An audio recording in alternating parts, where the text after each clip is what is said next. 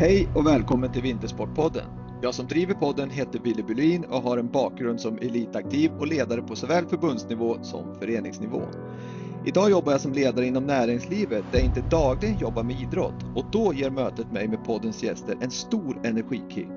Att få möjligheten att prata med poddens gäster om deras karriärer och livet i sin allmänhet är jag mycket tacksam för. Njut av detta avsnitt och jag tror och hoppas att du kommer få med dig både energi, inspiration och kunskap. Vill ni veta mer om vad som är på gång inom podden? Följ Vintersportpodden på Instagram.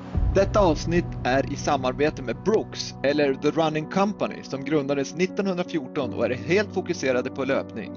Med sin slogan Run Happy har Brooks som mål att inspirera alla att springa sin egen väg till ett bättre liv.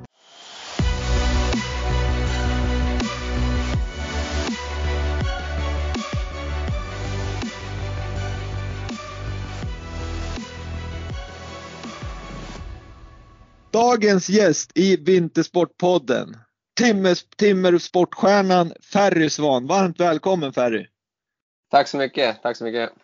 Det är ju speciellt att ha en timmersportstjärna i Vintersportpodden, men, men som jag sagt förut någon gång när jag haft någon tveksam vintersportare så är det ju jag som får bestämma vad jag tycker är vintersport. Men Ferry, det är jättekul att ha det här och det ska bli kul att prata timmersport med dig och, och även få ta del av vilket stort engagemang du och, och dina närmaste gör för att det ska vara möjligt att, att både träna och tävla i, i timmersport.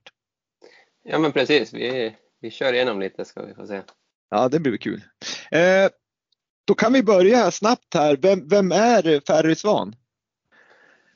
Ja, kort och gott, jag kommer från eh, Vansbro i Dalarna och som sagt tränar timbersport på heltid och tävlar då. Så normala säsonger så är det väl mycket resande ute i Europa och även Australien och Nya Zeeland när, när vi inte har någon pandemi då såklart. Ja. Eh, du är född 1996 så du är ganska ung fortfarande och, och tittar man mycket tycker jag i alla fall när man ser på, i alla fall på de här större tävlingarna, då är det mycket äldre personer så att det är en lång, du har ju mycket av karriären kvar. Ja, det får man säga och hoppas i alla fall. Och speciellt i, i timbersport så de som är bäst idag, han, han som vann VM 2018, han vann väl när han var 38. Mm. Så det, det finns, eh, man, man, blir inte, man blir inte för gammal för den här sporten i första taget i alla fall. Så det är väl skönt. Nej, det, det låter ju toppen. Men eh, hur, hur ser din uppväxt ut då med, eh, med idrott och så vidare i, i Vansbro? Höll du bara, har du hållit på med fler idrotter än, nu höll du inte på med timmersport när du var liten, men hur såg din uppväxt ut? Jo, men det är såklart mycket, mycket skidåkning i och med att eh, pappa är, är den han är. Så, mm.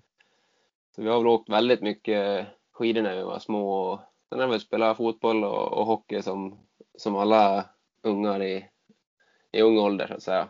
För mm. att ja, både få kompisar och göra någonting som är roligt och ja, hela träningslivet är väl härligt. Vi ska också säga att pappa, är, pappa din är din pappa så, men du har en mamma som var väldigt duktig i skidåkning också, Marie Svan som, som eh, också var landslagsåkerska. Så, och sen hade du en syrra som var väldigt duktig så att det har ju skidåkning i blodet och jag vet att du åkte skidåkning också ganska länge. Du måste ha åkt en, ändå till du var 16 va? Ja, jo, men jag, jag åkte skidor och, och tränade väl helt okej okay och tävlade väl väldigt mycket. Det var väl det jag tyckte var kul. Mm. Tävla och jämföra mig med andra. Det är väl det som, som driver mig överlag än idag också. Men eh, jag åkte ju som sagt eh, skidor eh, hela högstadiet och lite, lite in på gymnasiet. Vad var det som fick dig att liksom sluta där och, och, och, hoppa in på, på, eller gick du direkt in på timmersporten då? Nej, jag, jag åkte ju väldigt mycket motocross i högstadiet också. Så det, okay. var, väl, det var väl det jag jag tyckte att jag satsade på där och då, i, i alla fall liksom 8 9 så där, då, då åkte vi väldigt mycket. Jag hade ja, husbil och cross, crossbuss, så vi åkte väl runt på väldigt mycket sådana tävlingar på sommaren och sen var det skidåkning på vintern. Ja. Och, och sen vart det väl att det blev mer och mer eh, motocrossåkning och sökte väl motocrossgymnasiet i första hand men kom inte in där. Jag hade inte nog med, med resultat då. För jag hade ju börjat egentligen relativt sent med liksom lite seriös satsning inom motocross. Så där hade jag inte nivån för att komma in på motocrossgymnasiet. Och sen sökte jag även skidgymnasiet i Torsby vet jag. Eh, men eh, det tackade jag nej till, mer eller mindre. För att eh, jag kände att jag skulle jag bli ännu bättre i skidåkning så hade jag ju behövt träna oerhört mycket mer än vad jag gjorde. Och jag kände där och då att jag var inte jag var inte sugen och motiverad på att lägga ner ännu mer träning och jag tyckte redan att jag la ner mycket men, men det behövdes väldigt mycket mer för att matcha de som var bäst i Sverige i den åldern då. Mm. Jag förstår ju det, det är mycket träning men jag menar tittar man på, på, på, vad du lägger ner nu så tror jag du lägger ner mer tid än vad, vad en längdåkare gör med, med allting kring det du håller på med. Jo men absolut, det där har jag också tänkt på. Det, framförallt så är det väl motivationen som gjorde att jag inte valde att åka skidor på, på det viset som, som min syster Julia gjorde. Hon gick ju skidgymnasiet i Torsby och körde hela hela den vägen så att säga. Men eh, ja, som sagt, idag så lägger jag nog mer, mer tid i, till, i sporten än vad jag hade gjort om jag hade åkt skidor. Jag brukar skoja med farsan och, och säga att han hade det lätt. Han behövde bara valla skidorna och ta, göra några timmar på spåret och sen gå, gå in med dem i vallabon igen och, och, gå in och duscha. Och med, med timbersport så är det väldigt mycket väldigt mycket som har att göra med både för och efterarbete. För det, det är lite mer än bara ja, börja hugga. Ja precis. Och ja, det, det, ska vi också säga, det var ju lite kul när du säger det att, att, eh, att han behövde valla skidorna. Till och med på läger så att, kanske han till och med hade en vallare som, som fixade ja. en serviceman. Och det är väl egentligen, jag, jag har läst på där lite grann att det är väl från den vallaren och servicemannen som, som eh, blev att du heter Ferry tänkte jag säga. Ja, precis. Pappas ja. eh, vallare och serviceman hette ju, eller han kallades Ferry. Han, Kallas inte, för Ferry. han har inte tilltalsnamn Ferry, men han Nej. kallades för Ferry. Och Ja, så men, tyckte och pappa att det passade bra för mig helt enkelt. Men då måste han ha haft bra relation om man, om man liksom jobbar med någon som man sen vill döpa sonen till. Då har man bra relation.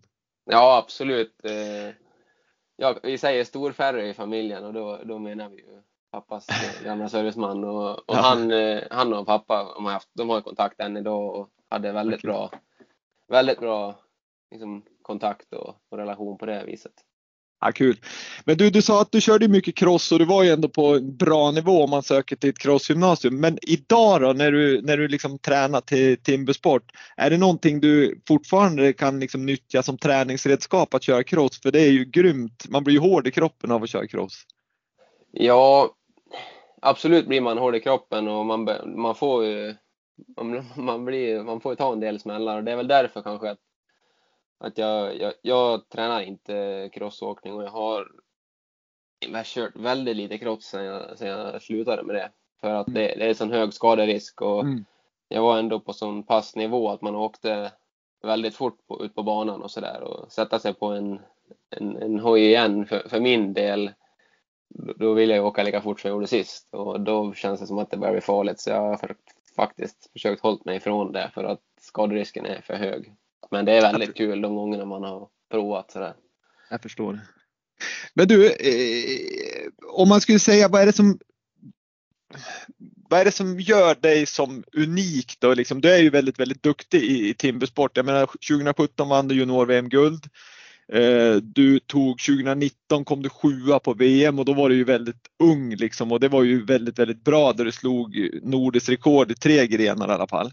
Mm. Men vad är det som gör dig så unik då? Liksom, då tänker jag på träningsvilja eller har du styrka eller har du liksom huvudet med dig? Liksom, vad, vad, skulle du säga där?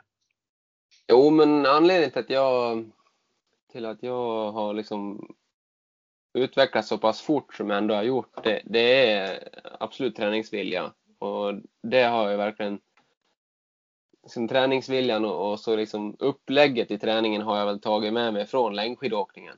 Det har jag, så det har försökt fått ihop väldigt mycket mängd som man, som man säger när man åker, åker skidor. Då. Och, ja.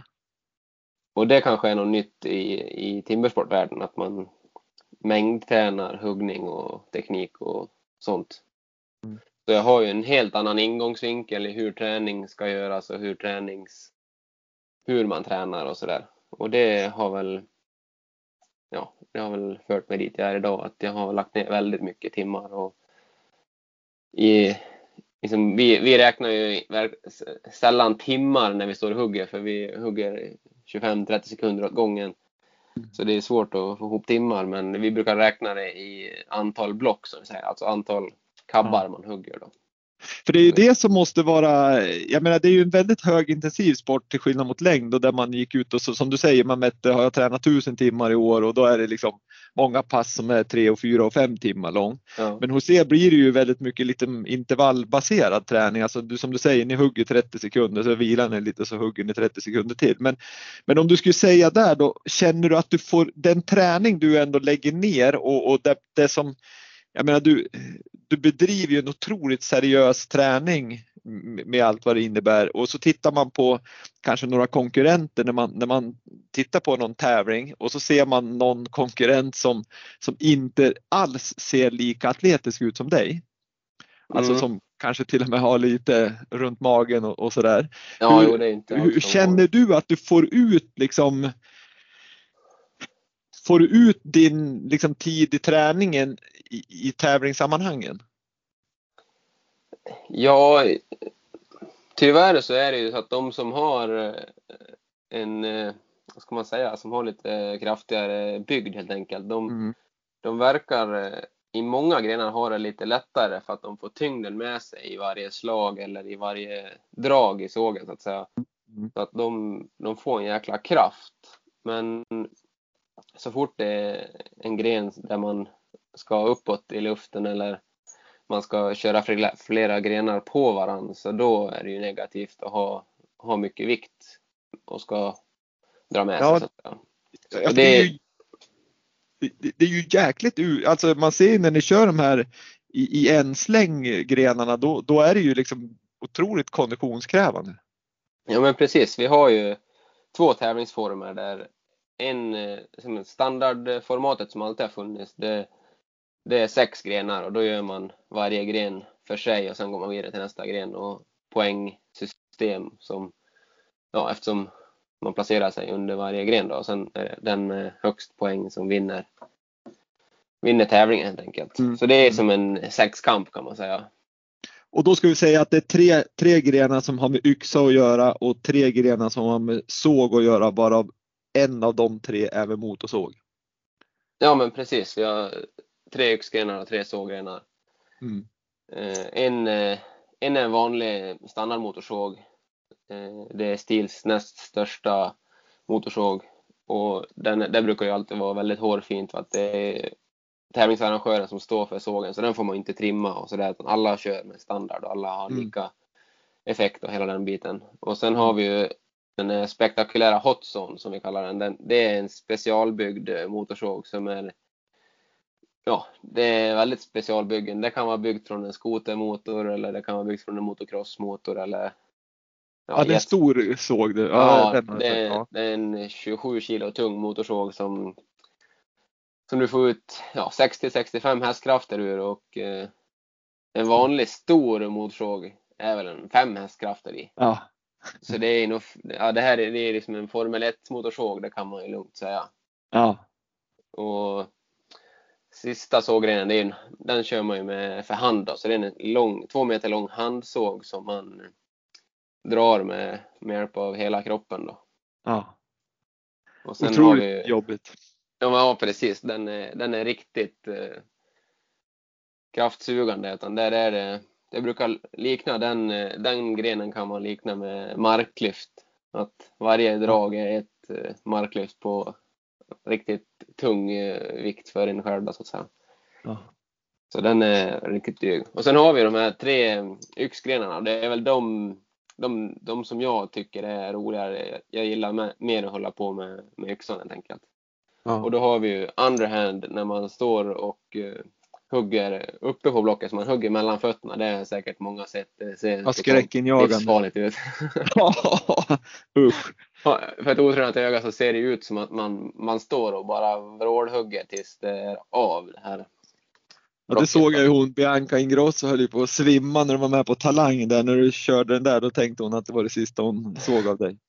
Ja men precis, den brukar vara väldigt, eh, väldigt spektakulär om man inte har sett något, något liknande förut. Så, ja. Men det, alltså, man ska väl säga att många av de här grenarna vi håller på med ser ut och är väl också lite farliga. Och, så man måste alltid börja med ett, eh, ett nybörjarläger inom timbersport. Och, så man får lära sig grunderna och lära sig säkerheten innan man kan börja träna själv hemma och sådär.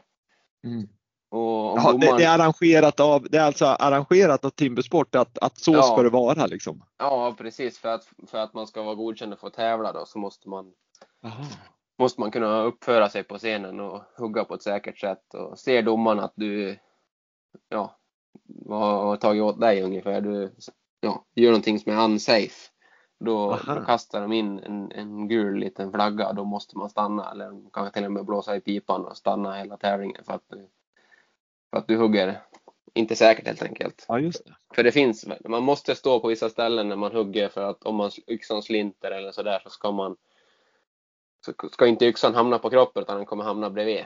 Så att man kan fånga den liksom istället. Ja, ja, jag förstår. Jag förstår. Så det är väldigt mycket säkerhet bakom fast det ser ut som att man är en galning liksom. Fast, Ja, men det, och det är väl det som gör sporten väldigt spektakulär och rolig att titta på så live liksom. Att det är ju, ja det är ju action så det bara dånar om det. Men, men, eh, men finns det ingen gren, du säger att det är ju som en sexkamp där man kör gren för gren, men det finns ingen gren där man dammar av liksom tre, tre grenar i en så att man får ut det här med, med konditionen och Jo, det, vi har ju, det är första tävlingsformatet, det är sex grenar. Sen har vi ett annat tävlingsformat som kallas för Trophy Run eller World Trophy eller som, Ja. som är VM i den tävlingsgrenen då. ja, ja. Och, och där kör man eh, fyra grenar i ett svep. Och där startar tiden, ja det är domaren som startar tiden då på startskottet. Och sen eh, stoppar man inte tiden för alla grenar är utförda då. Och då är Mm. det fyra stycken grenar som, ska, ja, som man ska göra som en bana med sig själv då. Och sen är man alltid två på scen så det är väldigt, ja, ofta väldigt stressat läge att man ska hinna före den andra och hela den biten. Då. Men, men är det en favoritgren för dig? Den? Ja, det har, jag har varit väldigt, det har varit, det har varit min, liksom min starka sida för det. För att jag har väl haft lite mer kondition än vad de andra har och, och sådär. Men eh, de andra grabbarna har väl förstått, förstått grejen att det ska vara kondition och man ska orka köra ett sånt här race som kan vara en minut, en och en halv minut kanske till och med. Mm. Men grejen är att det ska upprepas fyra, fem gånger inom, ja, kan det vara två, tre timmar. Så det, det, det, då är det ju väldigt likt en, en sprint i, i längdskidåkning. Då. Ja, exakt. exakt. Men, men, men eh, ja, det är ju jäkla intressant. Där, där är du lite liksom, vad ska jag säga, pionjär eller vad man ska kalla alltså, den som går i bräschen då för utvecklingen inom, inom sporten. Många har liksom tagit efter dig där då på, på just den delen. Ja, men precis. Det, det, det får man väl säga. Och de ser, de, många har sett också att det var vinnande koncept att eh, inte ha så mycket vikt på kroppen. Ja, Eh, För, det, för det är negativt när man ska springa runt och, Ja, och har liksom en arbetstid som är över en minut. Då, då börjar det vara negativt att ha för mycket muskler eller fett eller vad det nu är man har på kroppen helt enkelt. Nej, men, nej, men för liksom just det där att du, du, du tänker liksom hela tiden hur, hur du kan utveckla träningen som du sa och vad kan jag göra bättre för att bli bättre och, och liksom träningsmetoder och, och du har efterliknat lite från längden och, och sådär. Men är det någonting som, som eh, liksom du har i blodet? Du, för när, man, när man följer dig och har sett lite program med dig och, och tittar på ja, men när man följer dig på Instagram och, och sådär så, så känns det som att du, du gör allting jäkligt noggrant. Alltså du verkar vara tekniskt intresserad med, med maskiner hemma och när man tittar på hur du sköter yxorna så är det ju också väldigt noggrant. Jag vet på, på när du var med Karina Bergfeldt tillsammans med din pappa så, så var det ju liksom ingen annan får nästan röra yxorna dina och slipa dem utan du vill ha koll på dig själv. Men är ja. du liksom, är du väldigt noggrann så där med allting du gör? Ja, om noggrannhet eh, behövs så då är jag väldigt noga för att eh, annars funkar det inte. Liksom. Och speciellt yxorna vi har, det, de är ju rakbladsvassa så det liksom, ja, man känner ju på äggen att skulle du hugga i ett sandkorn så då nästa slag så kan man ju känna det. Jaha, är det så? Liksom... Så, så liksom, ja, och när man brynar yxan då, när man vässar yxan så, ja. så, så då när man hugger ett slag, ett testslag då, om det blev bra eller inte, då ska det kännas alldeles som en billack i snittet. Fast mm. man har huggit i levande träd eller en färsk träbit så ska det ändå kännas som en polerad billack. Då, är, då har man fått en riktigt bra brytning. Annars kan det vara liksom lite som ett fint sandpapper. Det är ju absolut inte bra. Utan det ska vara jäkligt fint ägg på andra liksom. Ja, precis. Den så är... det inte blir som råägg. Ja, precis. Och då, ja, det finns väldigt många olika steg beroende på hur yxan ser ut då och vilken te teknik och metod man ska använda för att få yxan vass. Så det, det är en väldigt, väldigt stor, många olika tekniker man kan lära sig och sådär och så får man försöka bilda sig en egen uppfattning och lära sig under tiden och det är väl det det är väl det jag känner att jag har lite uppförsbacke mot de som är bäst i världen idag. De har ju ofta föräldrar som, som har tävlat och som, som har kunskap hur man ska hugga och hur man bryter yxan och så här. Och den kunskapen har jag fått försökt hämta själv och, och lära mig själv lite grann och sådär. Det är väl det som är min, min största nackdel. Det kan vara din största fördel kanske också på lång sikt att, att du liksom har ett enormt engagemang och passion för det du gör och, och att du liksom kanske lite slow starter men det, det kanske ger liksom effekt på, på sikt. Ja men precis, på sikt så kan man ju bygga en väldig erfarenhet så att man, man vet exakt vad det är man ska göra och man, man lär sig väldigt mycket. Man, och, man, och jag måste ju lära mig för det är ingen annan som, som kommer lära sig åt mig. Så det, det är ju svårt att hitta någon som, som är så dum. Men du, om, om man skulle säga så här då, vad, vad, skulle du, det finns ju någon som är liksom någon gigant inom timmersport, någon australienare som heter Braden May, Meyer eller Meyer. Ja, Meyer. Ja. ja eh, va, va, om du skulle bara liksom kort säga, vad va är det för att du skulle nå i hans liksom klass? Vad är det du saknar då? Är det fysiskt eller är det tekniken eller är det material eller? Eh, ja, lite material, men jag har börjat fått så pass med, med kunskap och kontakter så att jag kan, kan matcha med materialet. Det är nog inte många procent emellan oss där, utan det är nog absolut erfarenheten som är störst skillnad. Mm. I Australien där kan du ju tävla nästan varenda helg om du vill. Mm. Och i Sverige har vi ju ja, högst tio tävlingar om året. Ungefär om jag får höfta lite. Så det är ju det, det är tävlingserfarenhet jag saknar helt enkelt ja. för att absolut bli bäst. Men du har aldrig funderat liksom på, jag, jag vet ju man, man tycker den här grenen är väldigt, väldigt ny och det är den ju i Sverige. Jag menar den kom ju till Sverige 2008, den kom till Europa 2001, den startade i USA 1985. Men rötterna finns ju i Nya Zeeland och Australien ända från 1800-talet. Mm. Och då, då misstänker man att där är det ju väldigt stor i USA, Kanada, Nya Zeeland, Australien. Eh, det är inte så att du har funderat liksom, nej men jag drar dit, då får jag tävla mer, jag får vara i miljön där det liksom är de bästa. Jo, jag brukar väl eh, normalt sett så har jag de andra åren där vi inte haft pandemi så har jag varit i Nya Zeeland eller Australien en månad varje vinter. Då var ju de mm. Eh, högsäsong, så där har jag försökt spendera en månad och, och träna med, de två senaste åren har jag spenderat en hel månad med, med Lawrence O'Toole. Han vann ju 2018 som jag sa tidigare. Och han är väl så pass eh, gammal och förstår att han kanske inte kommer bli så mycket bättre så han kan lära mig lite mm. tricks sådär som, som ja, typ Braden inte skulle kunna göra då, för att han är för mycket konkurrent. Lite, mm. lite åt det hållet.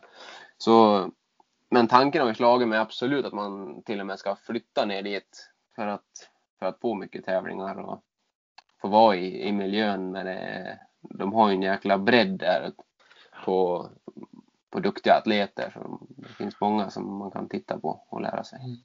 Ja, jag förstår det, för just när du säger att du kanske inte har liksom bakgrunden eh, på hemmaplan med föräldrar och, och, och, klubbar och förbund som, som kanske har den här liksom, samma kunskap, men framförallt då på föräldrasidan som, som oftast är viktigt inom idrott att man har. Men, men å andra sidan då skulle du flytta dit så har du ju inte det du har hemma, för du har ju för det första så när man tittar på följer dig så har du ju tillgång till en väldigt fin skog, du har tillgång till en väldigt fin liksom, träningsanläggning med verkstad och, och hugglokal.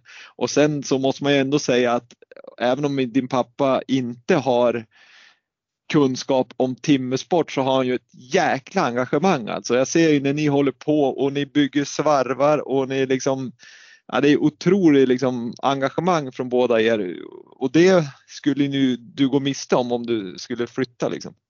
Ja men precis, så det, det, är väl kanske den största anledningen till att jag inte redan har flyttat.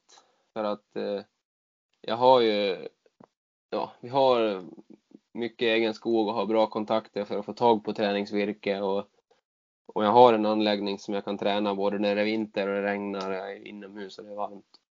Ja. Och jag har ju en jäkla, en jäkla liksom organisation för, för virke. Vi byggde en svarv för att få virket och vara rätt dimension som det är på tävling till exempel. Och, och även för att kunna ta tillvara på hela stocken och inte bara kapa ur de bitarna som, som är ungefär rätt dimension. Så nu kan vi ta tillvara på väldigt mycket mer virke. Så det blir lättare har, att hitta träningsvirke och sådär. Ja, har, har ni en tork också? För, för, ska det vara en viss liksom, det får inte vara på tävling, då är det väl inte så liksom Jo men på tävling där, där är virket, eh, det ska ju vara så, liksom, så nära färskt som, som möjligt. Och, och färskt träd är ju, är det ju kåda eller sav i. Ja. Och, ja, det ska vara det alltså. Så det ska vara liksom, helst lite blött. Så, så att man, när man har svarvat dem, då plastar man in dem. Så att de är lufttäta, så det, så det blir tätt. Och då torkar de inte, så då håller de sig upp till ett år i plast om man vill. Mm. Så det, det, så funkar det. Och om de torkar så blir de väldigt, väldigt sega att hugga. Det, det går nästan inte och ja, det går inte att jämföra med, med en färsk bit. Så det, Nej, det var imponerande. För de ser ganska torra ut tycker jag, men när ni hugger, men det är väl för att ni har så himla vassa yxor så det bara går liksom stora nästan block ur stocken. Ja, men precis, det, det gör det. Och, men är man, eh, är man lite noga och tittar på en tävling, speciellt om det är bilder tagna liksom, alltså så här, kan det vara 20 bilder i en sving de tar, ja. då, då, kan man se att det, att det skvätter ur lite vatten ur blocket. Och då, då, och då brukar man göra bra tider, då brukar det vara fint virke som visar. Ja. Så då blir tiderna, tiderna blir väldigt bra också. Så man ska slå någon världsrekord, då gäller det att ha färskt virke? Ja, eller absoluta bästa receptet, det brukar vara att hitta, alltså man är ju nörd i att hitta och se träd, så jag kan ju gå ut i skogen och så kan jag se de här eh, asparna, i och med att vi hugger asp mycket, så kan jag se på det här trädet, ja men det har lite grön bark, då, då har de liksom anlag för att bli, bli bra. Sen ska det stå på ett bra ställe så det växer fort. Och så kan man ju titta så att årsringarna är långt mellan årsringarna och helst kvistfritt, högt upp i trädet. Så jag kan ju gå i en skog och, och säga direkt, den här kommer vara hårdare, den här kommer vara väldigt mycket bättre.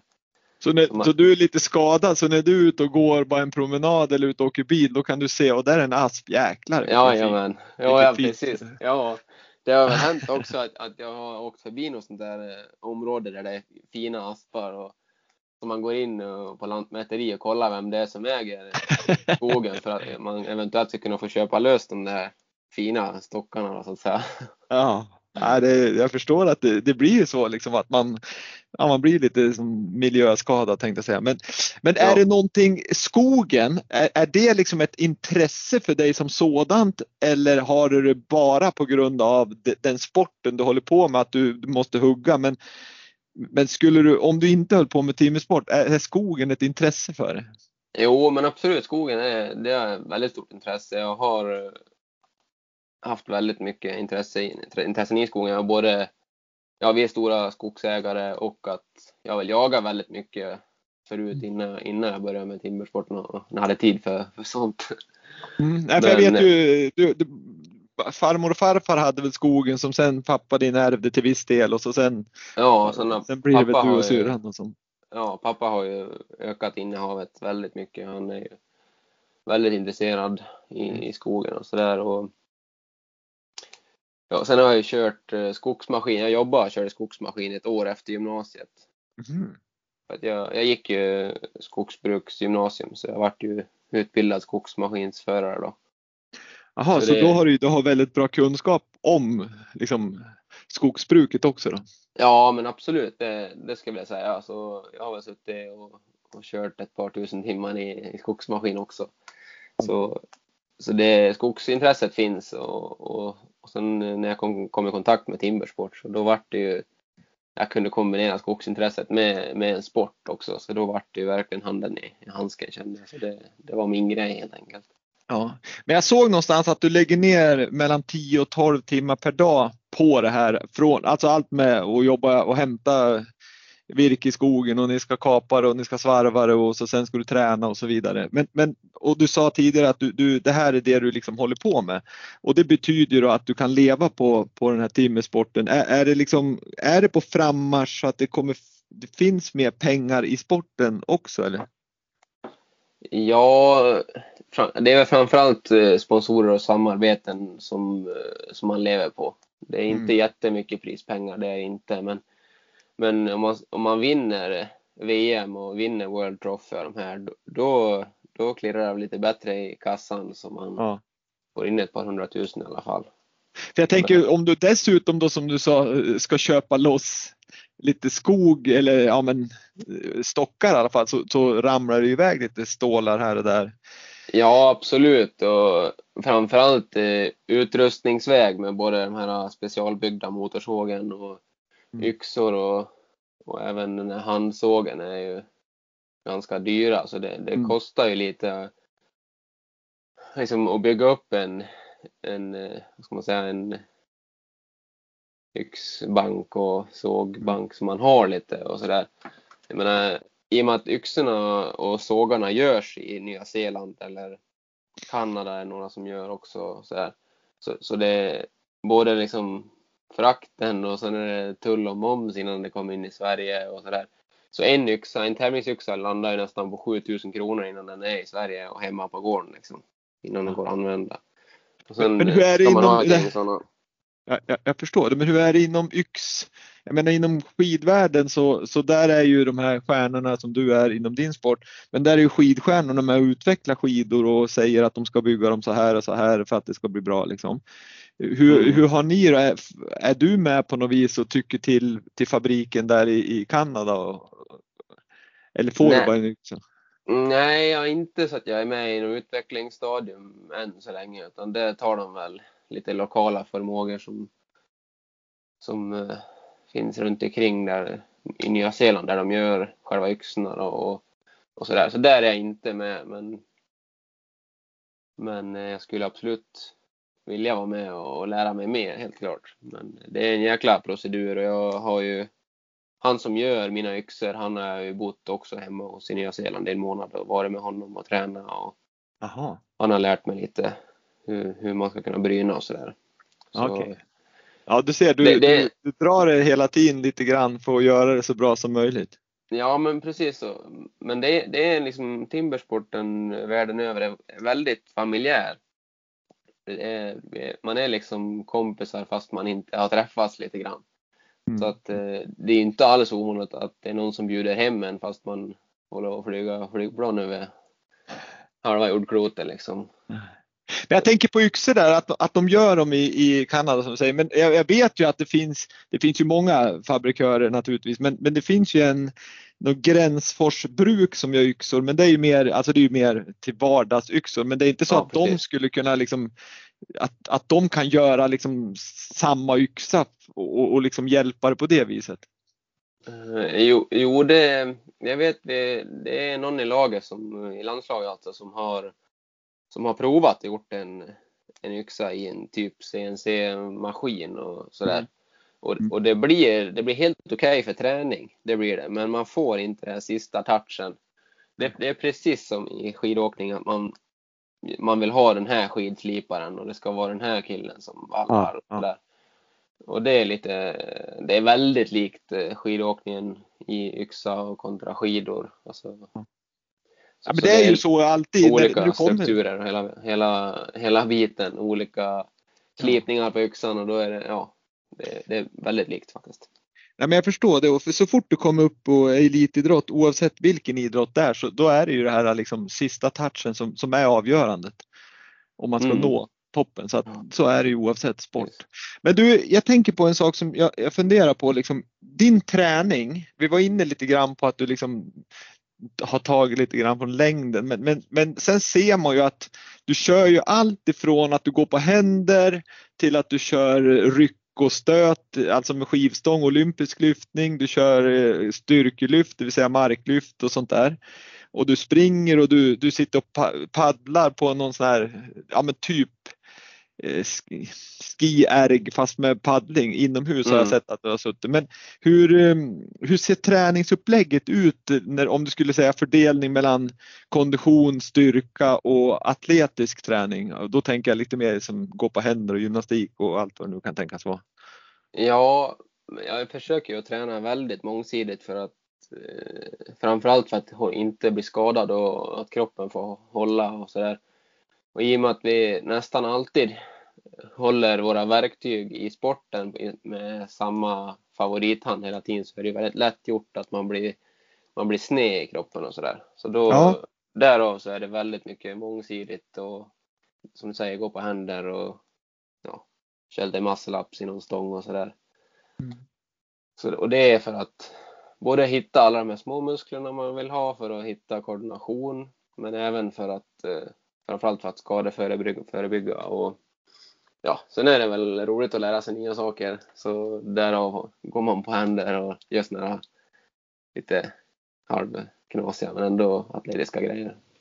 Ja men verkligen. För, för, men, men, om du skulle säga, kör du liksom typ som en elitidrottare i en annan sport, att du, du tränar på något vis fys varje dag och att du också lägger in, om man säger teknikträning med, alltså då pratar vi yxa såg. Ja men precis, jo normalt sett så har jag ett timmersportpass eh, under förmiddagen och mm. sen, sen om det blir kondition eller styrka på, på kvällen, det så brukar det väl se ut. Ja, eh. så, så, det är som, ungefär lika som du håller på med skidskytte eller vad fan som helst, att du ja. tränar skytte på kvällen och något annat på morgonen. Ja, men typ så, så att man, så jag tränar ju huggning och sen någon form av fysisk kroppsträning som inte är inriktat på tim mot timbersport eh, också. Då. Så det, ja, men när du sa att du inte har någon riktig, liksom, pappa din är inte tränare och ni kanske inte har någon tränare på plats, men filmar du på något vis och skickar in det till någon som kan hjälpa dig med tekniken eller är det bara liksom att försöka filma själv och, och sätta sig och analysera hur du skulle kunna få bättre kraft in i stocken eller? Ja, i dagsläget så filmar jag ju väldigt mycket och analyserar själv för jag har har väl lärt mig så pass mycket själv och genom andra under åren så att jag kan liksom vara kritisk mot mig själv och titta. Sen hjälper min mamma mig väldigt mycket med, med teknik. Hon, hon är väldigt duktig på att förstå liksom, kroppsmekanik och hur man bygger kraft och sånt där. Och väldigt koordinerad och intresserad av sånt. Mm. Och hon har ju varit med också sen, sen början och också lärt sig väldigt mycket och jag har det har varit så att det har varit svårt att, att få tag på kunskap i, i Sverige. Det tog mm. inte mm. jättelång tid innan jag ja, kunde lika mycket som, som de som var bäst i Sverige när jag började. Och sådär. Så, så jag har försökt leta mig utomlands och leta mig till de som är bäst i världen och sådär. Mm. Och jag har ju jag, kom, jag fick ett wildcard så att jag fick vara med på det här trophy, World Trophy. Och, ja. 2019 där? Ja, 2018 redan. 2018, ja. Fick jag vara med första gången bara för att jag vann junior-VM året innan så fick jag wildcard dit då. Och där träffade jag han som är bäst i Kanada och han, han vann även World, World Trophy 2018 där. Och, Ja. Så han satt jag och pratade med på kvällen efter tävlingen väldigt länge. Han, och han sa till mig att nu du måste ut i världen och, och resa och tävla och hämta information av de som är duktiga. Det är enda Ja. sättet att du lär dig, sa han. Och du måste göra det nu innan du blir för duktig. För sen när du börjar bli för duktig och börjar nafsa dem i hälarna då kommer ingen Släpper de tar, inte in. Nej, talar ingen om knepen längre. Och där Då- är jag då- väl lite nu att eh, det är svårt att få folk att, att tycka, tycka om hur jag hugger och sådär. Utan nu får man sköta sig lite mer själv för nu är man ett hot. Du får dela med dem av din fysiska kunskap då, med trä, alltså träning, fysisk träning så får de dela med sig av teknik till dig. Ja, men lite så. Jag har- varit hos han som är bäst i USA också. Och, och där har vi gjort så att jag har försökt lära honom lite konditionsbitar och fysisk träning. Och han har lärt mig väl att hugga och den tekniken så att säga. Och, Ja, det är bra utbyte. hand hand. Ja, verkligen. Men, men du, jag kan ändå inte liksom låta bli att, att, att det är ju dig färre som vi pratar om och det är Timmersport som är din sport. Men jag kan ändå inte låta bli att och liksom fråga att du har en mamma som var landslagsåkare i längd och du har en pappa som var landslagsåkare i längd och, och en av ja, Sveriges genom tiderna största vinteridrottare och eh, ja, världsstjärna inom, inom det där olympisk guldmedaljör och VM och guldmedaljör och hej och hå. det, det, det där är liksom allmänt känt att, han, att Gunder, som din pappa heter, är väldigt, väldigt känd och har varit väldigt duktig och väldigt, väldigt speciell eh, vad ska jag säga, inom sin sport där han inte Mm. lämnar någonting åt slumpen. Han var extrem vad det gäller liksom allt ifrån träning till vad han åt och han duschade liksom, då var en tävling i att han skulle duscha så kort som möjligt också. Ehm, Ja. Och så sen hans kända uttryck att ingenting är omöjligt. Ehm, hur, hur, hur påverkar dig? Känner du någon form av, jag vet ju att du är deras barn, men, men känner du någon press och att du också ska vara liksom extrem och, eller har det bara blivit, det finns i ditt blod kanske från, från din uppväxt? Ja, det, det finns nog lite i mig redan men, men jag har väl aldrig känt någon, någon större press från mamma och pappa i att jag ska bli någonting eller vad man ska uttrycka sig. Att, eh, utan det har varit så att om jag skulle välja att köra skogsmaskin för resten av livet så är det helt okej också. Jag, jag, jag har inte känt någon press alls. Men, men alltså pressen som man kan känna det är från, utifrån i sådana fall. Att, att, eh, att man, eh, ja men du är Gundes son, då, då ska du vara bra på, på det du tar dig an ungefär. Så det är väl det i sådana fall som man skulle kunna känna. Men, men liksom man, blir, man blir van, och man är väl van i det här laget så man försöker bara skaka av sig det och göra det, det som jag tror på och göra min grej. Ja, för på sätt och vis där så måste det vara skönt ändå att gett sig in i, i en egen, om jag får säga egen sport. För att jag misstänker att som, som skidåkare, om, om, om, om inte du vann så var det, väl- var det väl kanske att du fick kommentarer till och med. Vad fasiken vann inte du? Du som är Gundes son. Ja, men ungefär så har det varit lite grann. Jo, men Ja. pressen hade ju varit absolut mycket tydligare om jag hade valt skidåkning. Ja. Det tror jag. Och, Ja, jag förstår det, men jag tycker det är, det är härligt att höra liksom att du, du, att du verkligen inte känner någon press och att du, liksom, du, du verkar ha en grymt bra liksom, självkänsla ändå. Liksom, att säga att ja, men du gör vad du tror på och du, du, du är den du är oavsett vad du presterar. Så det är ju otroligt liksom, härligt. Men, men jag känner ju själv ibland om jag går till kanske mina egna föräldrar eller, eller ja, någon annan människa som står bredvid när man gör någonting och så, och så får man det här liksom, nej men det och så att du skulle få höra liksom att ingenting är omöjligt för färre liksom och så går det åt helvete. Har du aldrig blivit irriterad då liksom? Nej, inte jag kan komma Eller blir ihåg. du Nej, jag- inspirerad kanske? Ja, det har ju verkligen. Jag har ju haft några, några sådana tillfällen där man har sumpat bort någon, någon tävling eller att man har gjort något eh, misstag som man visste att man kunde undvika eller sådär. Och det blir ju tändvätska på elden för min del. Jag, då ska jag komma tillbaka och vara bättre och och sådär. Och det har ju också varit lite utav en, en, vad ska man säga, en nackdel. Om man känner när man är under de här sex grenarna och man har gjort en dålig, en dålig start på tävlingen helt enkelt. Att man, man, man gör ett stort misstag i första eller andra grenen och sen kommer man på tredje grenen och då, då ska man eh, liksom gottgöra sig själv genom att hugga ännu bättre än vad man ens kan hugga och man tror att man är någon, man ska vara någon superhjälte och hugga fortare än vad någon, någon annan har gjort i hela världen mm. fast man inte ens är kapabel till det och då går det åt pipan. Så det har jag lärt mig den hårda vägen att ja, försöka dra på någon tändvätska på elden under tävlingen, det, det, funkar inte. Men när man kommer hem i träningsmotivationen då, då funkar det. För jag ser ju det när ni, när ni kör liksom era moment där när, när du klappar på den där blocket från sidan med yxan. Du gör typ en 3-4 eh, Eh, hugg eller vad man ska säga från, från ena sidan och sen byter du sida. Liksom, är det intränat exakt eller får stunden avgöra hur många gånger du hugger på varje sida? Är det beroende på hur mycket som släpper det eller vet att det är tre hugg där och tre hugg från andra sidan, sen ska stocken vara av? Ja, man eh, för du hinner inte tänka så mycket under liksom när du, när det väl är, när du i stundens hetta där så har du väl inte så mycket liksom att du kan lägga någon strategi där utan det måste ju vara jäkligt intränat.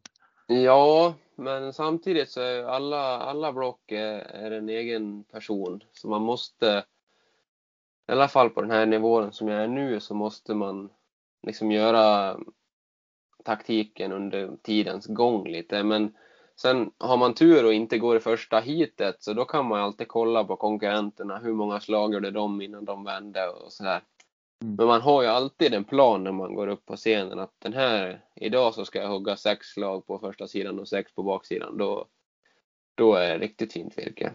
Mm. Och, men sen själva verket, när jag sätter första slaget i kabeln så känner jag att det här går inte att hugga på sex slag. Det här måste bli åtta. Då, då får man göra det och ändra, ändra planen under gången. Och I och med att virke är virke så släpper ju inte träfibrerna exakt lika varje gång. Och sådär. Så Finns... Man måste försöka hinna tänka under tiden och det är väl erfarenheten att vart kan man spara ett slag? För kan du spara ett slag någonstans så då har det gått, då har du, då har du en sekund mindre på tiden så att säga. Så att varje slag måste ju sitta exakt där det gör precis som mest nytta. Men jag tänker där då, du säger att varje stock är en, en individ om jag säger så. Alltså, träfibrerna är ju träfibrer så att säga. Mm. Men, men hur lottar de ut stockar? För jag tänker här så skulle du kunna, jag menar, du kan ju ta två sekunder på att du har en bättre stock än konkurrenten. Ja, jo det är ju alltid ett, ett, eh, ett område på tävlingen bland atleterna, vem som fick bästa biten ungefär. Ja, för men, där måste man ju eh, kunna bli irriterad som satan om man ser att den ena det bara sprutas av ur den och är perfekt sådär som du berättade tidigare. Ja, jo, men på, på tävlingar, på större tävlingar på typ eh, SM nordiska och, och VM framförallt, då, då är det väldigt eh, bra virke och det är väldigt lika virke. Så att ja. när man går upp på scenen och är två och två på scenen, då har de, de blocken som man hugger, de har ja. suttit ihop i trädet. Aha. Så då kan de fälla ett träd och sen så säger de det här trädet det är första hitet på Nordiska mästerskapen i Sverige. Och det är den här grenen. Och så märker de upp alla de bitarna då. Och så får alla som går i, i provklassen då få hugga de här bitarna då. Så det är, man brukar säga att eh, blocken är brorsor eller tvillingar som vi hugger. Okay. Så att det är, det är så lika det på något vis går att få det. Men sen är det ju virke, det är ett levande material. Man kan inte styra 100 procent, men det, det är gjort så att det är så lika det bara går. Ja, nej, det, annars så kan man ju tänka sig liksom att inom idrott finns det ju alltid så här att någon har haft fördel och si eller så. Ja. Men är, är ja, det någon det, doping men, då eller? Inom ja, men, den här sporten? Ja, lite grann, bara så att vi går tillbaks till det här med virke, att det är olika Ja. Det, det, är ungefär som, som skidåkningen i, på en, en fem mil individuell start. Att går du första tio, så, första tio startande så då kanske det är jättefint före. Mm. Kanske till och med lite så här krispigt och isigt så det går väldigt lätt och sen kommer de sidade åkarna och, i slutet och då har solen börjat lägga på och då går det tyngre. Så menar, det, ja visst, ja. det kan ju börja snöa liksom efter Ja. en timme och så går sista sidade fält ut. Och, ja, men det, det, det kan ju ändra sig. Så är det i idrott Ja. och speciellt utomhusidrott. Och det kan man väl jämföra med träd kanske. Ja men precis, det är ungefär ja, de marginalerna man... Så det, det är så lika det går att göra och det, det är ju i all världs... Ja. Och det är väl lite tjusningen också med, med det så att säga. Att, att, Ja, men precis. Men sen Men hur- doping sa du och det... Ja, vi, än så länge så är det inga kontroller inom, inom sporten så det förekommer och det kan man utgå från, tror jag, tycker jag. det är min Ja, men jag tänker liksom det är ju styrka och det är uthållighet så det är ju liksom verkligen eh, Ja, Det borde ju finnas och jag menar ju mer, ju mer kommersiellt det blir och just mer större det blir och pengar finns att hämta då, då är det ju alltid risk för, för att dopingen kommer in i bilden. ja, jo precis så är det. Men, men det är så pass mycket teknik och det är så pass mycket träning som behöver göras för att du ens ska kunna. Hävda dig. Så att eh, det spelar ingen roll om du är världens starkaste man. Jag kommer hugga fortare än vad du gör. Även om du tränar i två år. Mm. Liksom, så, så, så att timmarna måste in och du måste börja träna och tävla mycket för att du ska bli bra. Det, Jag tror är att det kommer börja testas. Ja, det har pratats om det. Det har det absolut. Så jag, jag tror det är på gång och, och det, då tror jag det är några som ryker faktiskt. Det tror Ja. jag. Om det skulle börja testas. Ja men det vore ju jättebra. Det är, alltså ju, för sånt är ju alltid tråkigt det är såklart när, när Ja, fusk kommer in i, i, i bilden. Så. Men eh, jag, jag tror också att i, just i Ja, det, det är när man kör de här Champions Trophy eller Trophy-rundorna då, att man kör flera grenar på varandra och flera hit på varandra. Det är då man har nytta av det, men liksom att, att köra lite preparat för att få större bickar liksom, det hjälper inte i den här sporten, tyvärr. Nej, nej. Det hjälper bara sommaren bara på Ja, stranden. precis, precis. Ja. Nej men vad, det är ju grymt kul att, att höra om, om sporten och din träning och det är ju fascinerande allting runt om det också. Det, det blir ju som en, en livsstil det här. Jag menar, det ska, man, man ska vara i skogen, man ska gilla det, man ska få ner träden, man ska svarva dem, man ska plasta in dem och sen ska man träna och så. Ja det är mycket, det är otroligt liksom, som du sa 10 till 12 timmar per dag som man lägger ner ändå på det. Så att, Ja men precis och, och det är väl det här med svarvbygge, det var ju jag, ju jag och pappa har ju pratat mycket om att man skulle haft en svarv och ja, Mm. få någon att bygga en sån va, kostar väl ett par hundratusen och det är ingen sugen på att lägga ner ifall det inte funkar ens en gång liksom. och, och hela den biten så pappa han är ju väldigt teknisk och har, har byggt en sån där då och, och, och sen är väl pappa väldigt eh, väldigt, ja, väldigt kreativ och teknisk men framförallt att ska man träna och om man vill någonting då ska man ha förutsättning och, och Mm. kunna träna och det är väl det som som jag har gjort att jag inte har flyttat utomlands till exempel då. Och ja jag menar jag har sådana förutsättningar hemma här nu så vi har fixat sådana väldigt bra förutsättningar så det, det är svårt att slå det. Ja, för det är imponerande att se verkligen. Jag tycker det är helt otroligt vilka, liksom, när man ser på bilder så är det ju jäkla fina anläggningar. Alltså.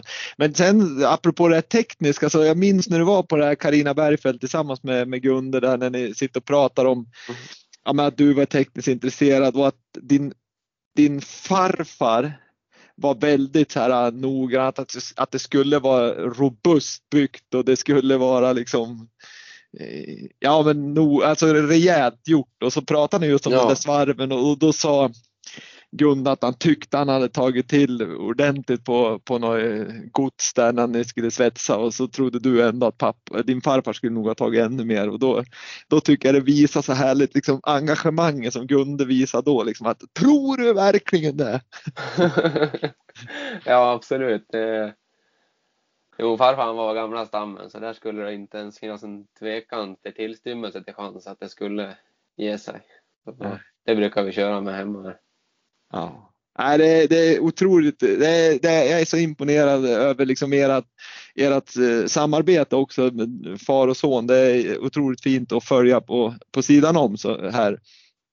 Men sen måste Ja. jag säga också eh, Ferry att, att du är ju en kille liksom som håller på med timmersport och du, du har, nu ska jag inte säga att det är något, att man behöver bli liksom innesluten för det, men att du har liksom kört, eh, vad heter det, skogsmaskin och, och, och, du kommer från Vansbro, inte världens största stad, men ändå, du är otroligt duktig liksom i medialt och du är väldigt liksom kommunikativ och jag menar, du har varit med i olika tv-program, Fångarna på fortet, du har varit med i, i Talang, du var med i Karina Bergfeldt och så vidare och så vidare.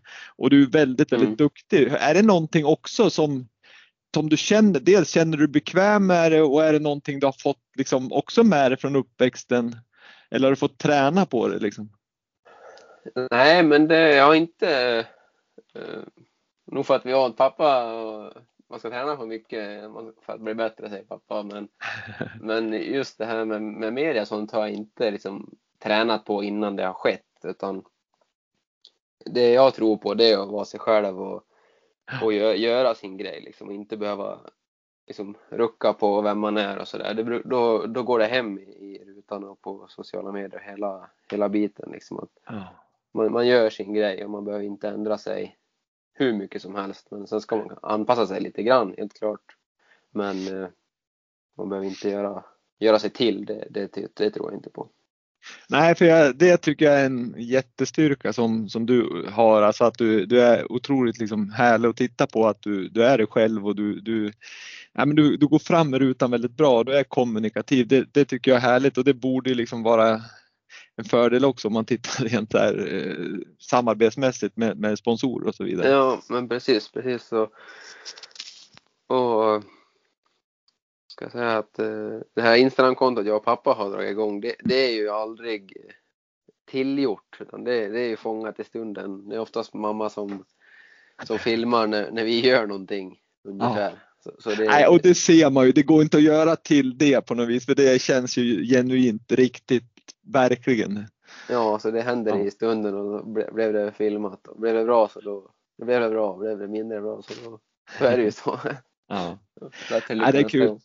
Det är grymt kul.